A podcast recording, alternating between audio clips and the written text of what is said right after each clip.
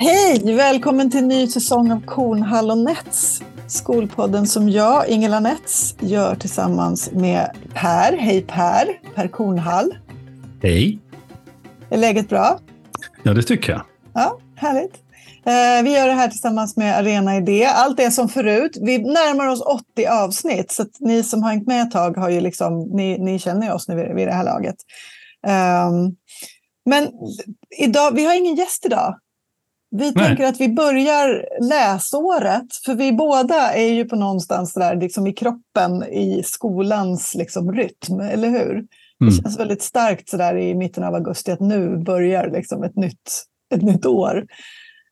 Um, så vi jag, undrar om vi, inte egentligen, ja. jag undrar om inte egentligen de flesta människor i Sverige ser året på Eller det hur? viset. Ja. Som sommarlovet, som pausen och sen ja. en nystart i hösten. Ja. Och så, så, jobbar man på tills det blir sommar igen. Eh, jag tror att skolans läsår har en jättestort eh, inflytande på hur vi egentligen tänker på Verkligen. hur året ser ut. Mm.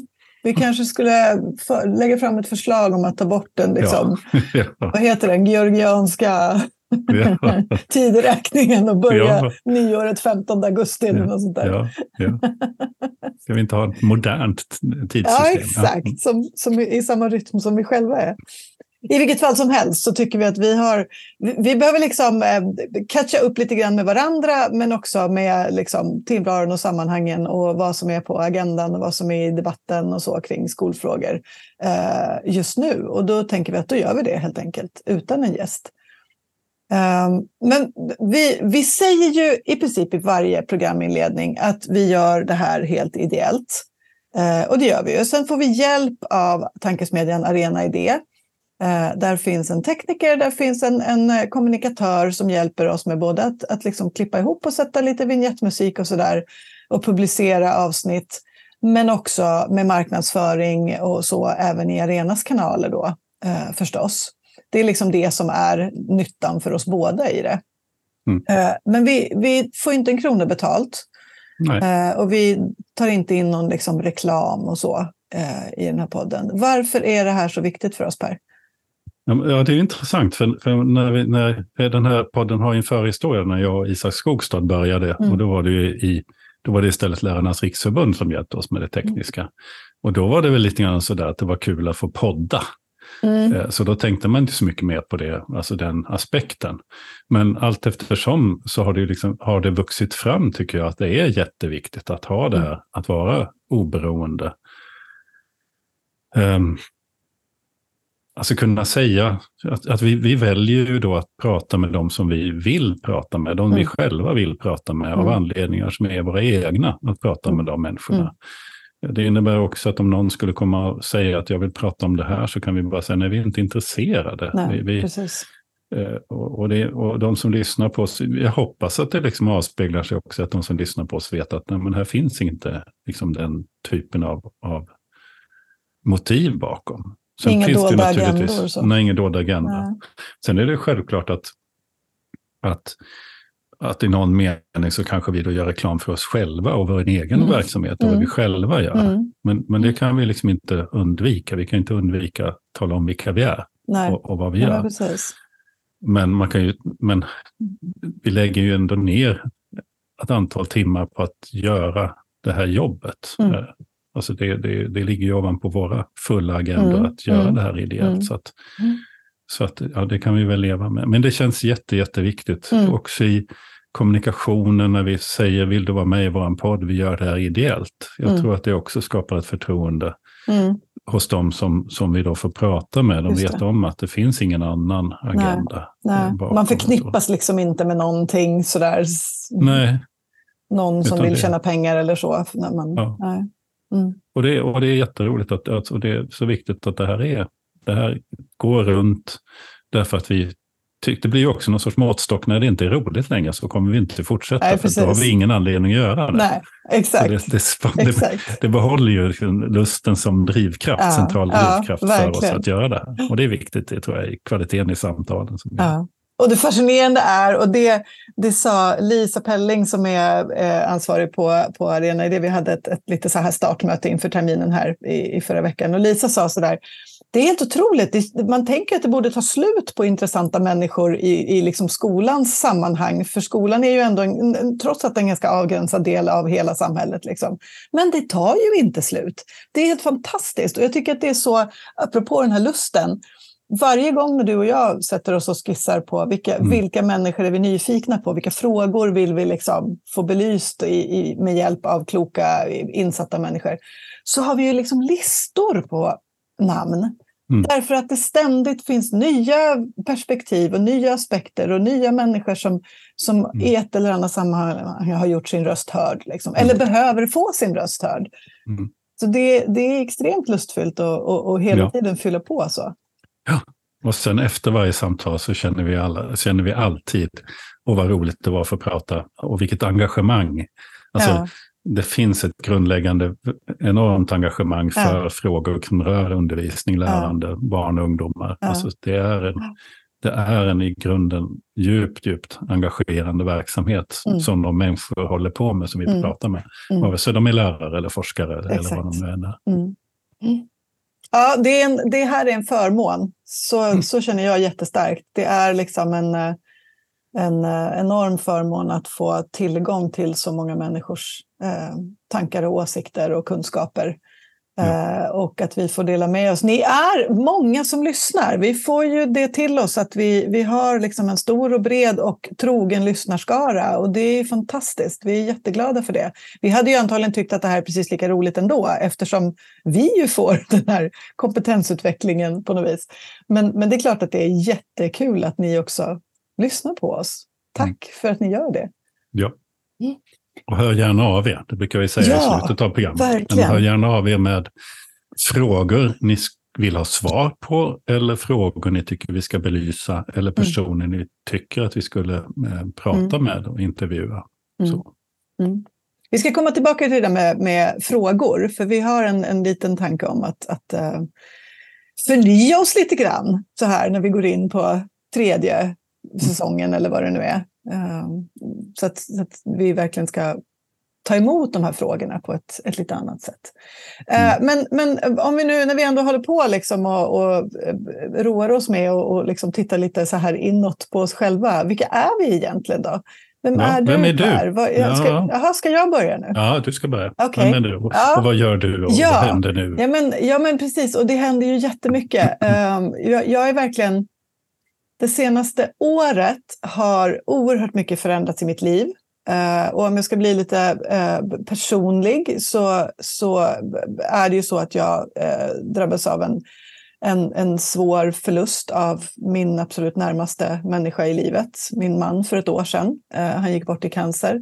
Så det var en tuff period innan när han var sjuk och det var jätte, jättetufft förstås att, att bli ensam. Så eh, mitt i livet. Eh, inte alls vad vi hade tänkt oss. Eh, och det har liksom satt igång saker hos mig som handlar mycket om att, att sådär, eh, definiera vem är jag nu då?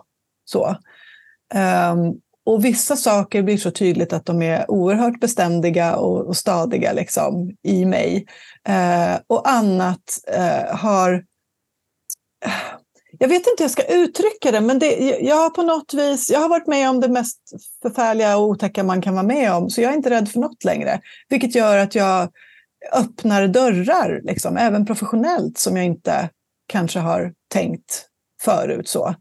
Så att, ja, det där blev en lång introduktion till det faktum att jag eh, både har blivit eh, masterstudent eh, i Kanada, det är ju ganska opraktiskt egentligen. Mm, mm. Uh, Hur jag tänkte inte, du då? Ja jag, ja, jag tänkte jättemycket. Ni som har hört mig förut vet ju att jag under några år har jobbat, uh, också ganska i stor utsträckning ideellt och lite grann som konsult, med det som vi kallar för den utforskande spiralen, som är ett ramverk för kvalitetsarbete och, och förhållningssätt till till lärande och utveckling i skolan. Eh, med fokus på, på liksom likvärdighet och demokratiperspektiv. Så. Eh, och det är en forskning som, som eh, ursprungligen kommer ifrån Kanada. från Vancouver. Judy Halbert och Linda Kaiser som liksom står bakom det. De startade för ett antal år sedan ett masterprogram, då på, i Vancouver. Ehm, sen fick det här, det här programmet flyttade till Vancouver Island University och eh, de lämnade över till eh, eh, lärare på, den, på, på det universitetet. Och det där har liksom legat i mitt bakhuvud att det vore ju fantastiskt roligt att, att läsa en master någon gång i livet. Jag älskar att plugga och lära mig nya saker. Och utbildningsledarskap ligger väldigt nära till hands för mig. Ehm, och möjligheten fanns nu helt enkelt att söka och bli antagen till deras, eller det programmet på Vancouver Island University. Så jag började i juli på distans i största utsträckning. Ja, mm. det är liksom, vi hade tio dagar på plats i juli i somras eh, och sen så är det tre veckor på plats nästa sommar. Allt annat är distans. Mm. Eh, så det blir en del nattmanglingar digitalt för min del eftersom det är nio timmars tidsskillnad. Men det mm. är helt okej. Okay.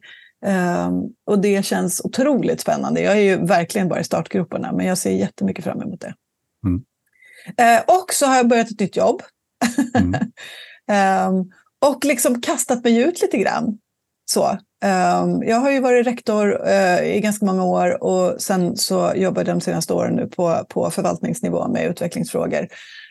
Nu uh, kliver jag in i att på heltid vara konsult. Mm. Ehm, jag är numera konsult och partner i eh, ett företag som heter Public Partner som, som har sitt säte i Stockholm men vi finns över hela landet. Liksom. Eh, eller vi verkar över hela landet, där vi behövs helt enkelt. Ehm, med fokus på att stötta eh, offentlig sektor och liksom ledning av offentlig sektor i olika aspekter. Eh, så jag har plötsligt kollegor som jobbar med stadsplanering eller som är psykologer och som, som eh, har jobbat med liksom, grupputveckling hela sitt liv och sådär.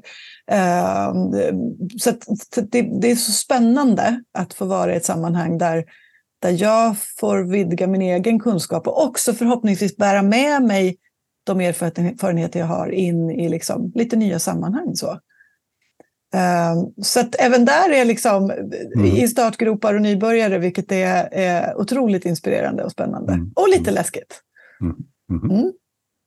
Så är det. Så det är liksom, det. Jag, jag, jobbar på mitt, mitt lyckliga andra liv på något vis. Um, och det känns som att jag har fått en bra start i det. Mm. Vad gör I du? mitt liv händer det ingenting. um, jämförelse med dig så är, så är ja. det ungefär Men det, alltså Jag kan säga att det är lite, lite mycket på kort tid för min del. Ja, så att, ja, ja. Mm. ja. Skämt åsido, det händer alltid saker. Men, men ehm, alltså, i, i princip så, så lever jag det liv jag har gjort nu ett antal år. Mm. Och egentligen ganska länge så har jag ju varit um, heltid eller halvtid min egen, alltså egen försörjd. Mm.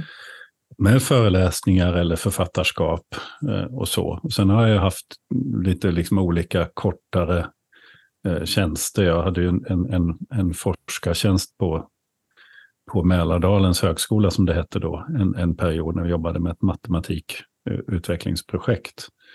Eh, och, och, och anledningen till att jag hade en forskartjänst var inte att jag forskade, utan det var ett sätt att lösa en lönenivå, sak och sånt. Så det var inte alls att jag var forskare där, utan men jag jobbade med skolutveckling. Eh, och sen är jag nu, och, det, eh, och sen är jag, nu är jag ju på, eh, har ju ett halvtidsförordnande, jag är ju, jag är förtroendevald ordförande för läromedelsförfattarna. Mm. Och det innebär ju att, att liksom leda styrelsens arbete, men det har ju också varit väldigt mycket fokus på interna frågor som handlar om demokrati och sånt. Och sen har vi haft mycket fokus på, eh, på läromedelsfrågan mm. och att påverka mm. eh, lagstiftning och sånt. Mm. Inte minst och, med mm. Gustaf Fridolins utredning och det. Mm. Och där måste man väl ändå säga att ni har, har nått viss framgång? Alltså tillsammans med, med, med, med lärarna, tillsammans med lärarstudenterna, tillsammans med elevorganisationerna, och, och andra så får vi själva lite grann nypa oss i armen.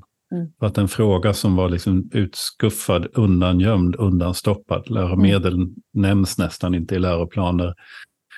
det nämndes inte av Skolverket. Det, det finns ingenting, ingen liksom garanti i skollagen för elever och sånt. Så har vi faktiskt kommit till det läget att, att i, ja, det var ganska roligt, en illustration av var att jag på midsommarafton fick ett, ett sms av, av eh, eh skådespelerskan Marika Lagerkrans. Mm där det stod grattis! Mm. Utropstecken, bra jobbat. ja. eh, och min sambo undrade varför jag får grattismeddelande ja. från Marika Lagerkrans. Mm. Och så.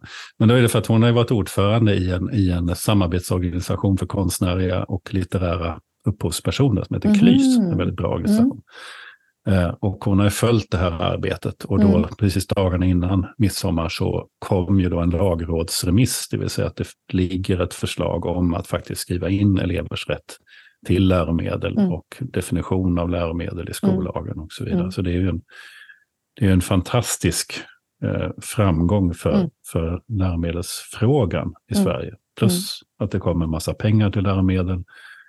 Eh, och att vi, vi, vi hoppas att det finns mer än bara lagförslaget i en, i en kommande proposition. Men det får vi se då. Men, mm. men i stort sett ja, vi, vi, vi är, helt, vi är jätte, jätte lyckliga för det. Vi, mm. och det är väldigt intressant att få driva en fråga. Att visa, kunna få en chans att visa för politiker, för allmänhet och alla intresserade hur det faktiskt ser ut. För många hade en bild av att, att läromedel var av låg kvalitet. Och vi mm. kunde ju visa att de läromedel som köper man in nya läromedel så är de oftast, om de är förlagsproducerade av bra författare och så där, så är de ju väldigt hög kvalitet. Mm. Men problemet var att man inte köpte in det för att det inte fanns några pengar eftersom Nej. det inte finns någon styrning mot att, man, att elever har rätt till det. Och när vi då kunde visa det så var det väldigt spännande hur, hur alla människor vi pratar med, nästan utan undantag, från journalister till politiker och alla, eh, kunde säga, lärarna vet ju det här och eleverna mm. vet det, mm. men alla andra människor i samhället kunde mm. säga att ja men det stämmer ju, så är det på mina barnskolor. Mm. De får bara en massa ja, papper, eh, mm. kopierade papper mm. eller, eller konstiga länkar eller, eller vad det nu var. Eh, och alla saknade de här eh, både fysiska och digitala böckerna. Då. Mm. Alltså man har någon sorts ordning och veta att det finns någonstans där jag kan läsa om det här. Mm om jag inte förstår vad läraren säger så finns det någon annan som på ett pedagogiskt sätt har förklarat det här satt mm. i ett sammanhang. Så det var en fantastisk uh, utveckling då. Mm. Så på, på den mm. halvtiden, den andra halvtiden så är det, är det olika uppdrag och egna skrivprojekt mm. Mm. Som, som jag gör. Och jag har ju genom åren Just nu har jag bara ett sånt projekt som håller på att avslutas. Jag har ju haft rätt mycket grupper, som du ju var en Exakt. del av en gång i tiden. Så mm. jag har mm. handlat rektorer, eh, handlat väldigt mycket om, om ledarskap för lärande och mm. ledarskap av lärare för lärande. Och jag har också väldigt mycket haft mycket, och, och har fortfarande då föreläsningar mm. till lärare, förstelärare, människor som får ansvar för att leda andra lärare, hur man mm. ska tänka och så. Och där kommer det en ny bok i höst eller precis i början av nästa år. Mm. Som kommer att heta Professionsutveckling tillsammans, hur vi lärare kan bli ännu bättre. Eller någonting sånt. Mm. Mm. Spännande. Ja, och den är spännande för mig för jag har skrivit den. Jag klev tillbaka för jag, jag ser ju mig alltid som, jag har ju en, alltså min, om jag har någon yrkesidentitet så är det ändå lärarens. Mm. Eh, de där åren, jag var ju på väg mot läraryrket under hela min, så att säga, eh, min tid på, eh, också när jag mm. var doktorand inom mm. växtsystematik så var ju målet att bli lärare. Mm. Och sen var jag ute i skolorna. Det där är, det är ändå något väldigt centralt. Mm. Så den här boken har jag skrivit i vi och jag, alltså vi-form, alltså vi mm. lärare. Mm. Så, Vilket var väldigt, väldigt roligt. Och jag tror faktiskt det blir, om jag ska göra reklam som är det, så, så tror jag faktiskt att det blir en väldigt bra bok. Inte minst därför att jag har en så fantastisk förläggare och textredaktör den här gången. Eh, det kan man ju prata mycket om. Alltså mm. hur blir en bok ja, bra? Exakt, exakt. Eh, det är inte bara mycket, orden. Nej, många och det är delar. inte bara författarens nej. röst du nej, hör när du precis. läser en bra bok. Ja. Utan den har också gått genom ett filter av, av duktiga människor som, ja. som har rensat bort dumheter, eh, eh, förklarat för dig vad det är du försöker säga Exakt. och ja, hjälpt dig uttrycka det bättre. Ja, och så. Ja. Vi pratade det där med, med hur man uttrycker sig. Alltså, i vilket vi man definierar sig själv. Vi pratade med Anna Mm. Karlefjärd om det precis före Mm. sommaren i ett jätteintressant samtal. Eh, gå gärna tillbaka och lyssna på det, ni som inte har gjort det. Eh, och det där är ju jättespännande, för det handlar ju också om, liksom, ja, men dels som du säger, vad, vad identifierar man sig själv som? Och i vilken, liksom, i vilken i vilken grupp vill man vara, känna tillhörighet så, men också hur länge är man relevant när man inte längre Ja. tillhör den gruppen? Hur länge är det okej att jag säger att jag är skolledare när jag faktiskt inte är det? Liksom? Mm. Mm. I- till, till liksom, i mitt yrke, även om Ja. jag har det som en, en liksom, akademisk titel som rektor. Mm. Liksom. Det, det där är också jätteintressant. Och jättespännande. Och det måste ändå också vara...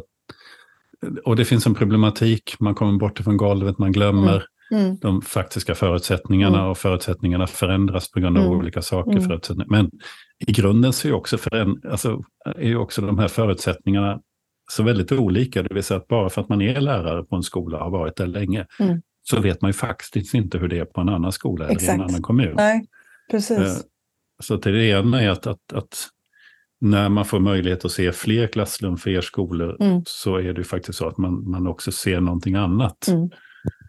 Sen måste det ju också vara tillåtet för oss lärare Mm. och skolledare Mm. att så att säga bli någonting annat, men Mm. att ta med oss den kunskap och Ja, den erfarenheten vi har. Mm. men men det, det finns ett dilemma i det, absolut. Mm. Jaha, V- vad ska vi prata om idag då? Alltså vi, när, vi, när vi spånade kring sådär att ja, men vi behöver nog prata själva, så, Jo. så var ju... Men- Ja, Men en sak ska Ja. jag kanske tillägga, för det, det Ja. kan ju vara bra. Och det är ju det att ett, ett av de uppdragen jag har, alltså på min den här egen försörjda konsultuppdraget, så, Mm.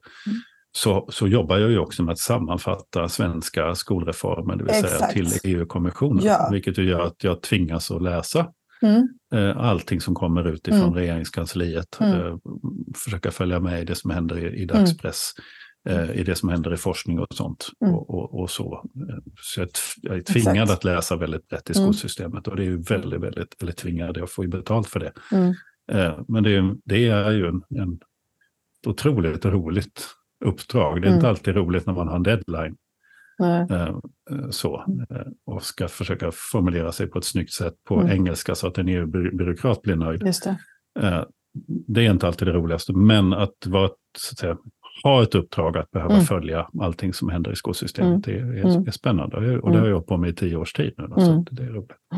Mm. Och ni som har hängt med oss vet ju att Per är lite grann av ett levande uppslagsverk när det gäller de här, just alla de här eh, utredningar och förslag och beslut och så som kommer. Eh, vilket ju är en, en jättetillgång i det här sammanhanget också eftersom du har liksom, ja men du har på något vis fingret i luften och vet vad som är, vad som är aktuellt och är dessutom inläst på frågorna. Eh, I, Så det är väl- Ibland och försöker Ja, vara. Ja. Ja, precis. Det är väl en av de saker som, som vi liksom sa att men det här kan- det kan vi väl ändå nämna någonting om idag. Sådär, det här, vad, vad, har, vad, är, vad har vi att se fram emot då? I Mm. form av, av rapporter som kommer eller beslut som ska fattas och utredningar och sådär.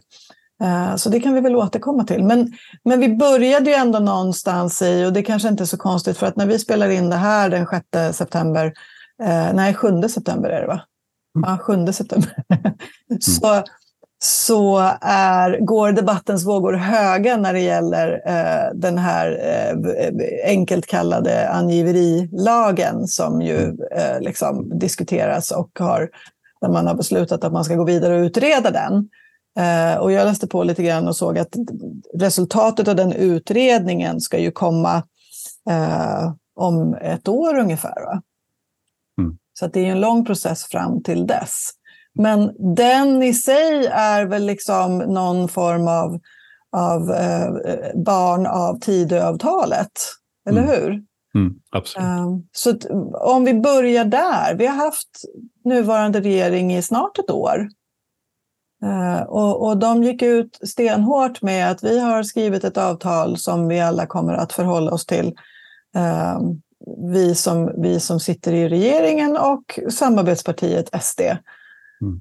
Um, och så har det gått ett år och då kan vi väl unna oss att recensera eh, lite grann, både själva Mm. avtalet och vad vi ser för effekter av det. Vill Absolut. du börja? Men- Ja, men ska vi, ska vi börja med angiverilagen? Jag tycker vi sen vi ska komma in på själva mm. tidavtalet, ja, hur det är formulerat. Ja. så. Men, men just angiverilagen, därför att den är ju liksom inte en del, jag har ju följt väldigt noga det som står om skola ja. i tidavtalet, ja. eller, och lä, läst det många gånger och så. Men angiverilagen kommer ju in från en annan vinkel egentligen, mm. den kommer mm. inte från skolområdet. Men, men här finns det ju en, en, en en samfälld röst ifrån eh, professionerna om att det här inte är okej. Okay. Mm. Och jag tror att det här är en, en, central fråga. Det här kan vi inte tillåta, vi som är, nu, nu, nu tar jag till mm. brösttoner här. Mm. Det här är någonting som vi som, som professioner i skolan och antagligen också inom vården bara inte mm. kan tillåta ske. Nej. Nej. Alltså förhållandet vi tar ett exempel, alltså det här exemplet som nu kom upp i Dagens Nyheter som inte mm. handlar om, om det här, men, men det är ju otroligt spännande. Där polisen hör av sig till en rektor i, i en Stockholmsskola och ber att få ut listor på, på alla, alla, alla mongoler på skolan. Mm. Mm. Alltså ett, ett, ett, ett, ett etniskt... Eh, ett, sortering. En, en, etnisk sortering på mm. skolan. Mm. Och, och den här rektorn säger att hon tror inte att nej, det vill hon inte. Hon menar att det är mot, mot lagar och GDPR och alltihopa sånt där. Um, det som är det stora, stora problemet och varför det här inte kan, att det inte kan vara så här, om så säga, från polisens håll eller från statsmakternas håll vill ha koll på medborgare och sånt, så får de använda de instrumenten. De får använda polisen och de får använda mm. eh, så.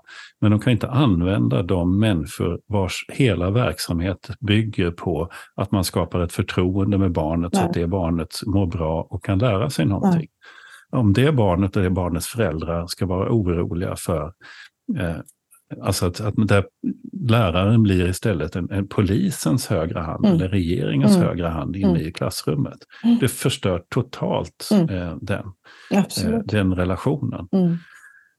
Förutom då att jag kan inte se att det här på något vis kan, kan fungera tillsammans med barnkonventionen och, och om man ska tänka på barnets bästa Nej. i de här situationerna. Nej. Vuxenvärlden får ursäkta uttryck, får fan i helvete lösa sina bekymmer. Mm. Men inte skicka ner spioner på, på små barn och på Nej. de vuxna människor som ska Nej. ge dem trygghet i tillvaron. Så här, här, här får man bara dra ett streck mm. i sanden menar jag. Mm. Mm. Och jag ser glädjen är nog att jag tycker det verkar som att lärare och vårdpersonal gör det. Verkligen. Jag det. upplever också att det, att det är jättestarkt också från fackligt håll. Liksom, att det här, det här kommer vi inte att acceptera. Mm. Uh, och då blir det ju intressant Eh, och se vad den här eh, utredningen kommer fram till. För det den också ska titta på är ju då vad blir konsekvensen för den som bryter mot lagen. Mm. Eh, och, och, det blir ju någon sorts att ange den som inte anger. Liksom. Det, det, det, mm. det, riskerar ju att bli en, en soppa som, som nog ingen av oss egentligen vill ha, tänker jag. Mm. och jag såg, för att apropå det här den här situationen i Stockholm då med den här rektorn som, som eh, verkligen har liksom stått upp mot eh, polisens eh, begäran. Sen fick polisen göra det de har rätt att göra, det vill säga mm. komma till skolan, göra en husrannsakan och titta på elevklasslistor. Eh, liksom. Det, och det är fine, det, det har de rätt att göra. Eh, men, men det ska inte vara rektorn som, som mm. väljer ut vilka, vilka mm. liksom, namn från från elevlistan som ska levereras till polisen. Ehm, men där, där hade Dagens Nyheter också intervjuat Lotta Edholm, då, skolministern, i det här. Och hon säger som avslutning, för de frågar ju då, men det, nu är ju inte det här kopplat till angiverilagen, för den finns ju inte än. Men, mm. men många gör ju kopplingen att det är så här det skulle kunna bli. Um, och då frågar de henne om det och så, och så säger hon då att att utredarna har fått tydliga direktiv om att alla förslag som läggs ska vara i enlighet med internationella regler och konventioner, däribland Europakonventionen och barnkonventionen, där allas, alla barns rätt till utbildning slås fast. Vi liberaler ser därför framför oss att undantag kommer att göras för anställda i bland annat skola och sjukvård, säger Lotta Edholm. Eh, jag måste ju säga att jag blir lite nervös, därför mm. att det är ju inte riktigt så att, att Liberalerna har, har liksom varit någon sorts eh, stark garant för, för en liberal politik det här första året eh, av, av liksom regerings, eh, sen regeringsskiftet. Ehm, de har ju blivit ganska brutalt överkörda ganska många gånger och fått liksom anpassa sig till, till eh, de, de större eh, partierna. Så vad är det uttalandet värt? Ja, det är väl inte värt någonting eftersom jag menar, i så fall hade det varit värt någonting så hade de ju undantagit de grupperna ifrån utredningen. Mm. Alltså, för mm. om hon redan har bestämt sig, eller de redan hade bestämt sig för att de här grupperna inte skulle vara med i det här, Exakt. varför skulle det då överhuvudtaget utredas? Ja, ja. Och vilka att, grupper blir kvar? Alltså det här blir också så märkligt. Liksom. Det, det, är det liksom eh, snickare som ska ja. Och sen fanns det ju väldigt märkliga... Eller, ja, jag vet inte. Sen fanns det ju väldigt... Sen fanns det ju de väldigt märkliga konsekvenserna när man då diskuterade om det här skulle genomföras, att det överhuvudtaget inte skulle kunna gälla andra än offentliganställda. Just det. Nej, just det vill säga att, att, att jobbar man på friskolor liksom. eller mm. privata vårdcentraler mm. så har man helt plötsligt inte alls den här makten. Nej. Eller den här rätten. Då, då, skulle man inte falla under den här lagstiftningen. Och, och, vad blir det då? Alltså, ja. Ja. Eh, det är bara att det tydliggör ju att det är någonting som är väldigt, väldigt skumt. Att det är några mm. som uppenbarligen har, när det gäller vården, då har de här vårdande uppgifterna, men som, som faller under helt andra lagstiftningar mm. generellt. Mm. mm. Och där offentligt, eh, tjänst, eller offentligt anställda då ska vara spioner. Mm. Eh, man slipper det då om man startar ett aktiebolag och har, mm. bedriver vårdcentralen. Eller. Och det ställer frågan kring myndighetsutövning, alltså betygssättning i myndighetsutövning, mm. att vi har några som gör det här. Ja. Det, det liksom bygger ju på den här bilden som ju också förstärks av, av av det här med offentlighetsprinciperna, alltså där all skolinformation blev hemlig därför att mm. vi har mm. tillåtit aktiebolag att verka på, gjort skolan till en mm. marknad. Alltså, mm. Ett väldigt ogenomtänkt system. Det får mm. så väldigt, väldigt konstiga effekter. Mm. Ja, men jag tänker på en, en, en aspekt. Jag tror att jag har, har ställt den här frågan tidigare i något sammanhang. Um, och det är mer, det är liksom, jag har inget belägg för det, det är bara någon sorts känsla. att vi, vi har ju fört diskussionen om, om eh, marknadiseringen av skolan och de här jättestora frågorna som berör liksom skolsystemet.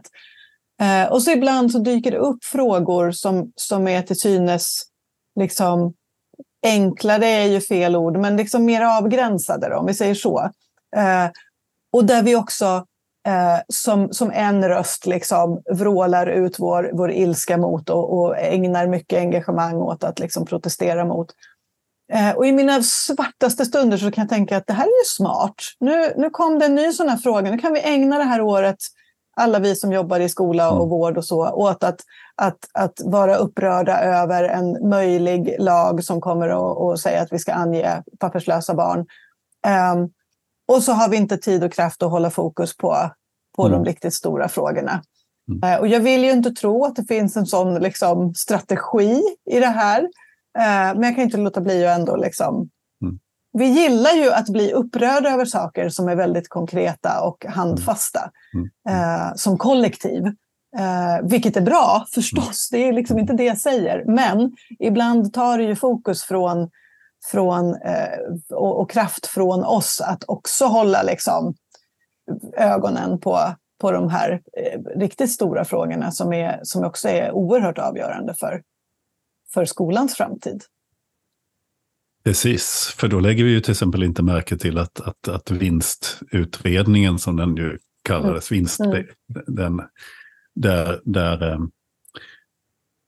till, den utredningen som ju hade ett tydligt en tydlig linje som är i linje med vad, vad både lärarfack och skolledarfacken mm. står bakom, som mm. är ett förbud mot vinstutdelning.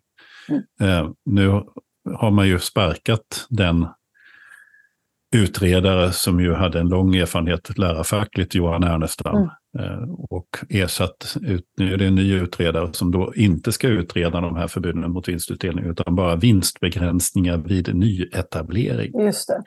Och så är det då en, en tidigare styrelseledamot i stiftelsen Fritt Näringsliv och en tidigare statssekreterare åt Gunnar, Gunilla Karlsson som heter Joakim Stymne som då har fått det här uppdraget. Mm.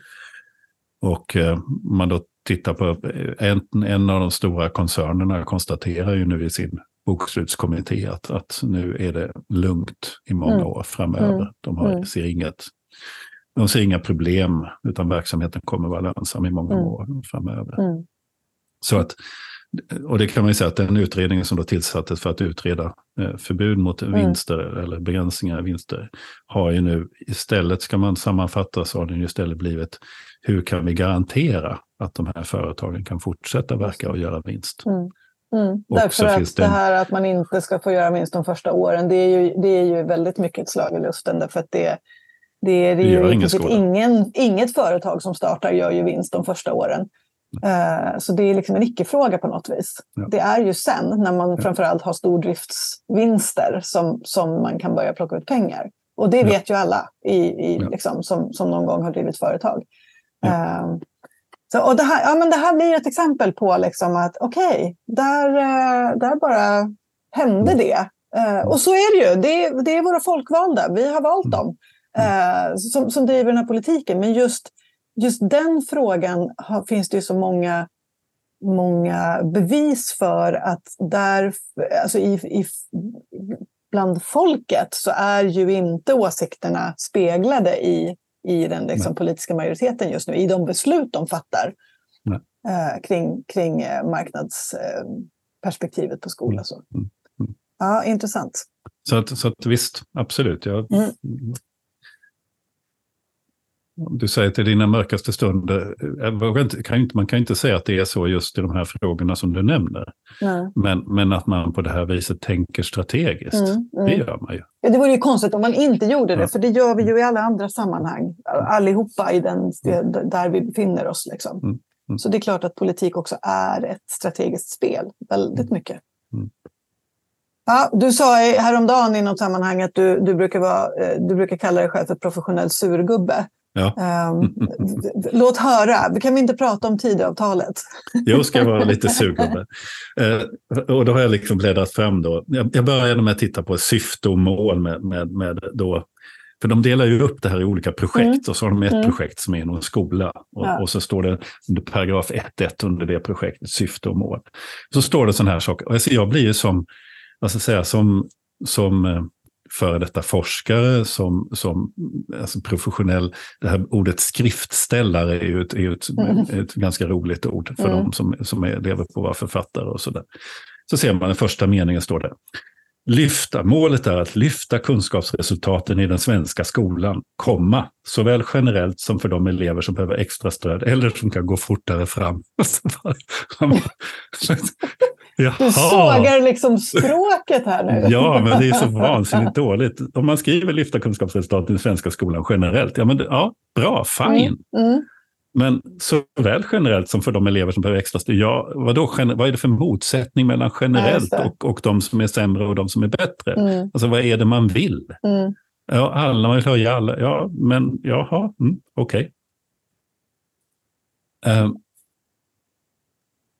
ja, menar alltså, det, det, det, alltså den typen av, av, av språkligheter och hela den inledningen handlar om det. Varaktigt stärka tryggheten och arbetsron, utveckla rätten, att, att, att stärka, alltså, varaktigt stärka tryggheten och arbetsron i skolan. Ja, okej. Ja, det, alltså, Mm. det, det, liksom, ja, det tycker ju alla. Det, tycker alla. det finns ingen som inte tycker det. Nej, nej, precis. Nej, så, så vad är det man Mm. vill då? Sen står det ju då, utveckla rätten att välja skola och tillvarata mångfalden och utföra, det vill Mm. säga skydda systemet. Mm, Det utgår man ifrån. mm, Det som är, för mig stör här har ingenting med språklighet och sånt. Jag kommer tillbaka till mer sådana här eh, språkligheter sen. mm, Men, mm. men det som stör mig här lite grann är att jag kan inte förstå vad Sverigedemokraternas väljare vinner på det här. Jag kan inte förstå vad Sverigedemokraterna gör för analys. Hur deras väljargrupper på något vis tjänar på att det finns stora koncerner som tjänar pengar på deras barn. Nej. Jag kan inte förstå den analys de har gjort. Mm. Och, och det beror ju också på att de nog inte har gjort en analys. För att Nej, från början så hade de en helt annan inställning i de här frågorna. Mm, De hade ett kongressbeslut på eh, vinstförbud i välfärden. mm, eh, som de bara sket i utan att fatta något nytt kongressbeslut Mm. efter att ha blivit bjudna på några middagar och fått träffa eh, eh, friskolelobbyns eh, miljonärer och miljardärer. Mm. Middagar anordnade av, av PR-firman Crea bland annat. Det finns väl, väl beskrivet det här Mm. i artiklar. Mm. Så jag kan bara inte förstå egentligen eh, varför Sverigedemokraterna spelar med, är med, liksom med eh, varför de frotterar sig med, med, med, mm. med, vissa delar av den här lobbyverksamheten. Men det, det är upp till dem. Mm. Sen finns det en väldigt intressant sak som står i de här inledningen målet. Så höja läraryrkets status och förbättra arbetsvillkoren. Mm. Här börjar vi i alla fall säga, det här är någonting som man i alla fall kan mäta. Det här är någonting mm. som man kan säga, har läraryrkets status ökat Exakt. efter de här mm. åren? Och, och, jag säger bara lycka till då. Ge skolan i hela Sverige likvärdiga förutsättningar och stärka verksamhetens kvalitet. Eh, jaha, okej, okay. och det kan vi ju prova. Ge hela likvärdiga förutsättningar. Då kommer vi tillbaka, för där finns det ju några intressanta öppningar i det här avtalet mm, sen. Mm. Men, men varför kastar man in och stärka verksamhetens kvalitet i den meningen? Mm. Och, och, eh, är det kvaliteten, är det något annat än att lyfta kunskapsresultaten? Ja, just det. Vad menar mm. man med kvalitet? Så mm. det, det, är bara, det är bara fluff, fluff. Det är, mm. det är fina ord. Och det, det, det här, ser väl ut, jag tänker att det här ser väl ut som i, i stort sett varenda, nu är jag också lite raljant, eh, ja. varenda kommunalt eh, systematiskt kvalitetsdokument. Ja. Liksom. Exakt. Därför att man men, använder men, de här meningarna som egentligen, de skulle kunna betyda jättemycket, men de, de, de sätts ihop så att de bara blir fluff. Ja, det blir bara fluff och, och så. Mm. Sen kommer det under punkt 1.2 avgränsningar, en väldigt viktig mening. Mm. Inga ytterligare frågor Nej, kommer exakt. att beredas i projektet. Det vill säga, i och med den här nattmanglingen som ju mm. eh, elaka tungor säger skedde liksom på, på nätterna där, alltså så, eh, på det här slottet eh, mm. på olika sätt, så stängs dörren. Mm. Eh, mm. vilket är en märklig märklig gång, men, men alltså mm. man, har, man har skrivit under på att man mm. inte ska ta upp någonting annat. Mm. Sen kommer en sak som jag tycker är otroligt intressant och som jag tror ingen liksom bryr sig om, ingen tänker på. Och så, det är vad som står under 1.3. Där står nämligen hur man ska göra det här. Där står det om nya reformförslag bereds i projektet ska konsekvenserna av förslagen analyseras i enlighet med kraven i kommittéförordningen som reglerar statens offentliga utredningar. Konsekvensanalysen ska ge en strukturerad, kvalitativ, kvantitativ och allsidig bedömning av vad förslaget innebär. Jag kan tänka mig att här har någon tänkt att ja, men vi, får inte bara bestämma saker utan vi, vi måste ha utredningar och så. Det kanske mm. är någon liberal som har kastat in det. Mm. Och så slutar det med, även om behov skulle uppkomma av skyndsam hantering av förslagen i samarbetsprojektet ska beredningskraven upprätthållas. Men jag tycker det är anmärkningsvärt att man, politiker i de här partierna tycker sig behöva skriva på att de ska följa det regelverk som mm. gäller för beslutsfattande mm. i staten. Mm. De nämner då inte regeringsformens krav på det här, utan så. Eh, alltså för mig blir det, alltså är inte det någonting som de självklart, alltså behöver de skriva att de ska följa lagen? Just det. Mm. Eh, ja, och mm.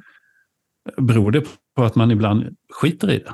Mm. Alltså det gjorde man vid införandet av friskolereformen för 30 år sedan. Man sket mm. fullständigt i, i, i, i de här regelverken som finns och den, och den grunda, beredningskraven mm. som finns i mm. regeringsformen. och sånt där. Här tycker man att man behöver påminna sig om det. Mm. Um, jag tycker det är anmärkningsvärt i ett mm. sånt här dokument. Mm. Det är helt jäkla anmärkningsvärt, faktiskt. Ja. Så det var en, lite sånt där om, om, om, eh, om eh, de här grundläggande mm. sakerna. Där. Mm. Mm. Men alltså det här med att stärka, stärka eh, läraryrkets status till exempel. Då. Um, då är vi ju inne på lärarutbildning mm. som ett exempel på um, hur, hur man lockar fler till yrket och, och gör det attraktivt liksom, att vara lärare. Um, där kommer det väl en utredning, eller hur? Ja. Och Peter Hornett, gammal eh, statssekreterare till Jan Björklund, har fått det uppdraget. Mm. Mm. Eh, och det här tycker jag är ett typiskt exempel på sådana här delar i Tidas, det är en lång lista med olika reformer mm. som ska mm. genomföras, som ju öppnar intressanta öppningar. Mm. Liksom det som står om läromedel. Mm. Som, som är uppenbarligen är någonting som Liberalerna har fått in. Jag antar att det är också någonting som Liberalerna har fått mm. in. Som ju faktiskt öppnar möjligheter till, som jag ser det, positiva förändringar. Mm. mm. Ett annat sånt är ju skrivningarna om ett utredning av nationell skolpengsnorm. Eh, Just. Mm. Eh, så ju, så, som öppnar för väldigt, väldigt intressanta funderingar kring mm. just hur man ska skapa likvärdighet eh, mm. nationellt i skolsystemet. Mm. mm. Och som är jätteviktiga. Men det blandas ju då med andra förslag som är, som är lite märkliga. verkliga. Mm. Mm. Men jag som personligen kommer ju jättenoggrant följa den här lärarutbildningsutredningen. Mm. För jag, jag tillhör ju de som verkligen tycker att lärarutbildningen behöver reformeras. Ja.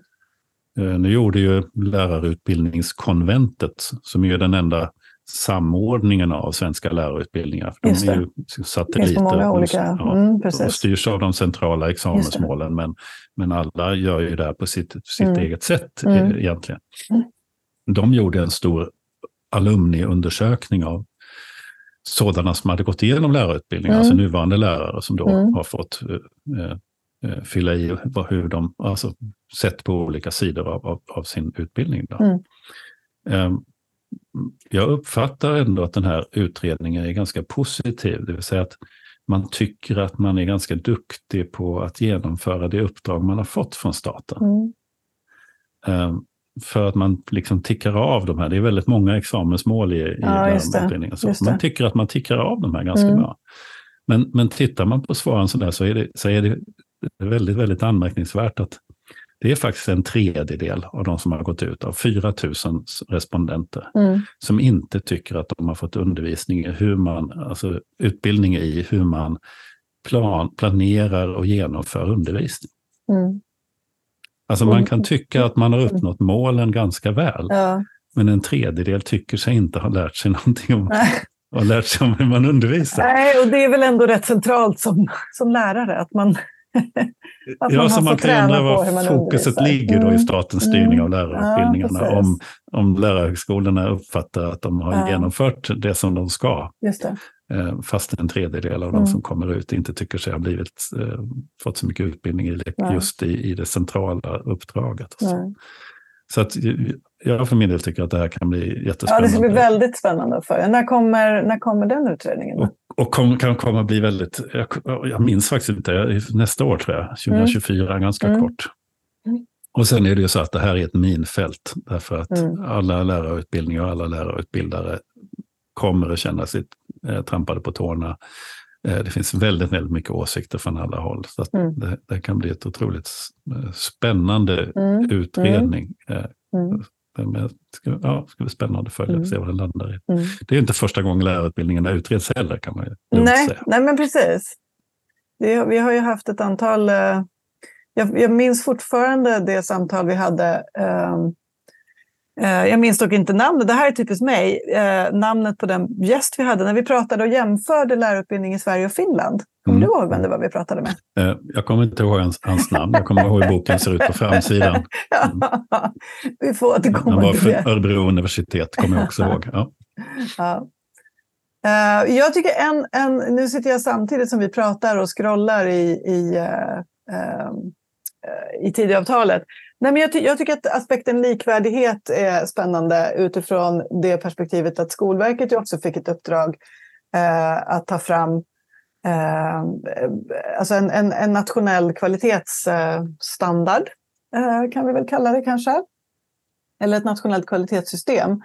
Eh, och det där har ju liksom börjat, eh, det har ju börjat rulla. Eh, och då finns det ju, dels, dels så tycker jag att det är intressant, för det, precis som du säger, det finns, det finns mycket i det som jag tror skulle, jag hoppas verkligen att det kan bli riktigt bra. Uh, I form av kvalitetsdialoger med huvudmän, Eh, i form av framförallt de här liksom regionala sammankopplingsytorna där kanske mindre skolhuvudmän får en chans att, att liksom möta eh, likar från, från regionen och, och, och stöta och blöta och bryta liksom, frågor som man brottas med just i den, liksom, på mm. den platsen. Eh, för många blir ju rätt ensamma i små kommuner. Eh, och det här är ju frågor som som man, ja, men, att, att liksom få, få, få brottas i horisontella sammanhang är bra så, mm. mm. för, för det egna lärandet och för att liksom lyfta blicken lite grann. Så, där. Mm. så det, det är spännande i sig, men, men sen är det också intressant. Uh, Peter Fredriksson slutar runt årsskiftet. Mm. Uh, vi har inte fått något nytt namn än på vem som kommer att ta över. Jag mm. såg annonsen. Um, för, och, och jag tänker att man, de kan ju knappast dra tillbaka ett arbete som precis är påbörjat då, men det ska ju bli väldigt spännande att se vad, vad Skolverkets liksom, uppgift blir mm. När man har en ny generaldirektör på plats och eh, antagligen kommer att, att kanske liksom eh, förtydliga på något vis eh, mm. vad man vill att de ska ägna sig åt. Ja. Tidavtalet pratar ju om nya kursplaner igen mm. då, med mm. mer fokus på ämneskunskaper. Mm. Eh, det kanske också skulle vilja säga att det är just skrivningarna då, för då är vi inne på det där egentligen hur man skriver, blir ju besvärande. Alltså, eller, ja, vi tar lärarutbildningen. För att för att det står det för att höja lärarstatus, yrkesstatus och attraktivitet höjs antagningskraven till lärarutbildningen samtidigt som utbildningsinnehållet reformeras. Alltså höja antagningskraven mm, man, mm. är oerhört problematiskt när vi samtidigt har en, en, en enorm ja, lärarbrist ja, i landet, ja. kan man ju bara säga. Då. Mm. Men så står det att det ska vara ett ökat fokus på ämneskunskap, kognitionsvetskap och praktisk metodik. Mm. Och här väljer man då ut, alltså fokus på ämneskunskap, hur tänker man då? För jag menar, är det, är det till ämneslärare så är ju fokuset på ämneskunskap, mm. det går inte att komma ifrån. Det är ganska Nej. lite egentligen pedagogik, eh, mm. pedagogiska år, året mm. eller ett och ett halvt år att man läser. Så, så vad, vad menas med det här? Är det här mm. överhuvudtaget genomtänkt? Mm. Eh, när det gäller de yngre åldrarna, hur tänker man där? Mm. Eh, kognitionsvetenskap pekar man ut som ett ökat fokus på kognitionsvetenskap. Mm. Det finns ju många andra saker än kognitionsvetenskap, alltså psykologi. Eh, mm. alltså, det blir väldigt, väldigt tunt och platt. Sen kommer det här med praktisk metodik och det är den enda där jag säger absolut. Mm. För det mm. behöver vi. Hantverket. Mm. Ja, hantverket, hur man mm. undervisar, är en central del och det är någonting som vi från forskning, den biten kan man säga att här har vi oerhört mycket forskning som pekar på vikten av det här. Det vill säga mm. att för, jämförande undersökningar av, av, internationella undersökningar mellan lärarutbildningar mm. pekar väldigt tydligt på att det är viktigt att ha, alltså ha, skick, att ha ganska stor mängd eh, eh, säga, skickligt handledd eh, praktik, alltså undervisningssituationer mm. På, mm. på, ett genomtänkt sätt genom mm. en, en lärarutbildning. Det är verkligen eh, avgörande för mm. kvaliteten på lärarutbildningen. Mm. Så där har man liksom rätt. Så jag menar, det är det jag menar, att det är liksom blandat. Eh, hur man skriver, det är sån dålig, det är sån dålig text. och den är grundläggande för, för det som händer där. Mm. Men om vi ska prata om det, så, och Skolverket så är ju en annan intressant och det är ju naturligtvis utvecklingen av professionsprogrammet. Ja. Eh, kommer vi att få de här karriärstegen helt genomförda? Mm. Mm. Eh, och det är intressant. Mm. Och, och, det tror jag kan vara utvecklande. Eh, och kanske det kan skapa någon sorts ordning i, på sikt i, i svenska lärares lönesystem, vad vet jag. Det är mm. kanske att hoppas för mycket, men, mm. men vi är väldigt unika i Sverige också i och med att vi har den här totalt fria lönesättningen. Ja. Inget system, ingen, ingen, ingenting som, som gör att jag, att jag kan hoppa byta mellan skolor så varierar lönerna som, som ett pingpongspel och så. Mm. Och det, det, är väldigt ovanligt i världen, mm. extremt ovanligt. Mm. Det blev, jag blev varse det nu när jag, när jag träffade mina fellow eh, studiekamrater i Kanada här i somras. Eh, de, de övriga på utbildningen är kanadensare. Sen är det ett par som jobbar internationellt, men, men alla är liksom kanadensare och, och anställda av det kanadensiska skolväsendet. Um, och där, där har man ju liksom en tariff, ett tariffsystem också där, där om man som lärare vill hoppa upp ett snäpp liksom i lönenivå eh, så är, en, en, ja, men då, då är det antalet studieår som, som påverkar. Och då är det ganska många som, som väljer att, att läsa en master för att, att mm. liksom lägga på två år och få, mm. få en, en ny löne, hamna i en ny löneklass. Liksom. Mm. Mm. Uh, vilket gör att, att, att man också kan ställa krav i, i skolsammanhangen liksom, på att, att man ska vara, ha den nivån på utbildning när man rekryterar. Så, mm, mm, mm. Eh, så det driver ju liksom, det, blir en, det, det driver ja. också en vilja att förkovra sig mm. Eh, på det sättet. Mm. Sen är inte Precis. teoretiska studier alltid det enda sättet att bli en riktigt skicklig lärare naturligtvis. Men, men det blir ju någon form av liksom ändå kvalitetsmarkör. Mm. Markör, liksom. Mm, mm. Mm. Så, det, så det, vi får se. Mm.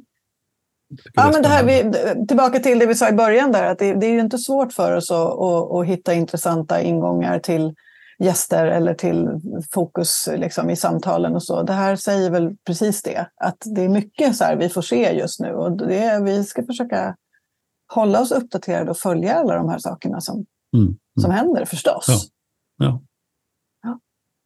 Och det som, är, som jag tycker är oerhört intressant det är statligt ansvar under den rubriken i Mm. avtalet. Det står Mm. ny likvärdig skolpeng. Mm. Eh, och det kan vara en game changer för svensk Mm. skola tror Mm. jag. Tänker faktiskt. du att, att det skulle kunna bli, om man då inte ger sig på, om vi ska använda ett sådant uttryck, eh, marknads, eh, eh, liksom aktiebolagen, så, eh, att man istället då använder skolpengs, en skolpengsreform till att differentiera skolpengen och därmed ändå göra det mindre intressant att driva bolagsskolor, eller? Ja. Eller, ja, För att det chansen att tjäna tycka. pengar blir inte lika stor när man får en mindre del av kakan. Liksom. Det är det så en vi ska annan- tänka? Det finns en annan del. Jag tror att det här kan göra någonting för att komma åt olikvärdighetsproblematiken. Mm. Och bristen på ansvarstagande också Mm. i kommunala förvaltningar för Mm. den olikvärdigheten. Som Mm. alltså, man behöver ha ett nationellt ansvar. Jag tror inte att det här är direkt kopplat till utan här, här kan vi så att säga komma åt en olikvärdighet som skapades i och med kommunaliseringen. Mm. Jag tänker nog att det är mer där. Det. När det gäller ett oetiskt överuttag av vinster Mm. eh, från skolor så tror jag en annan del som kommer strax efter det som handlar om reglering av kvalitet. När Mm. det står att man ska minsta garanterad undervisningstid, det har vi redan. Ja, just det. Skolbibliotek. Ja, skolbibliotek, laborationsutrustning, Skolgård. skolgårdar, eh, alltså sånt, läroböcker, läromedel. Mm. Det tror jag är viktigare. Och det Mm. var önskat att det hade stått studievägledning här. Att Mm. man inte kan komma Mm. undan Nej, eh, skolsjukvård. Ja. Att vi faktiskt ser till att vi fångar upp de barn Mm. som har sjukdomar och sånt. Ja, att vi ska ha en skolhälsovård som fungerar. Och sånt. ja. Eh, Det tror jag är viktigare då. Mm. Som ställer tydliga krav som går att inspektera. Inte att Just man ska det. ha tillgång till Nej. ett, ett, ett, eh, skolbibliotek och så finns det ingen definition på det. Utan, och det här finns det ju en utredning, Gustaf Fridolin har Just ju... det. Ja, men precis. Alltså det är också viktigt att se att en del av de här sakerna som står i, i Tidöavtalet Mm. har ju förberetts av andra regeringar. Mm. Mm. Och, och, och, och man behöver inte lägga, säga att det är Socialdemokraternas eller det är Miljöpartiets. Eller, eller det finns ju faktiskt långa traditioner av utredningar från... Alltså, det finns ju ett mycket större gemensamt arbete än man ofta vill erkänna i Mm. valrörelsen. Mm. Där, där de här utredningarna Ja, faktiskt precis. samverkar Mm. från olika håll. Mm. Men det finns också, tycker jag, och det har vi också nämnt tidigare nu, och jag kan uppleva en frustration över att det känns som att, att det också blir ett effektivt sätt att förhala obekväma beslut, att, att, man, att man tillsätter en ny utredning, trots Mm. att det redan är ja, någon som har utrett liksom både bakåt och framåt och upp och ner. Så. Eh, och man, man vill ändå liksom tänka att den personen har, har haft som uppdrag att göra det så objektivt som möjligt och inte haft en dold agenda liksom, utifrån någon sorts politisk hemvist. Så. Mm. Ehm, Ja, men så är det ju när det gäller, Ja. alltså, om vi tar från, från skolkommissionen och Mm. framåt, Mm. allt det som har, Mm. har utsetts. Ja, men där det finns, vi har ju, vi har ju liksom hyll, ja, det är ju Ja. stora ja, buntar av mycket. Mm. faktainsamling och, slu, Mm. och kloka slutsatser. Mm. Som, som ju är, det är lite föraktfullt att man vill liksom börja på ny kula och inte ta till sig den kunskapen. Nej, men och det här är väl liksom, det, det är väl om något ett av de stora samhällsproblemen som, som Sverige som nation brottas med och som vi ser på många håll i världen. Där man liksom på något vis har börjat kunna avfärda fakta som politik när man inte tycker likadant. Liksom. Mm.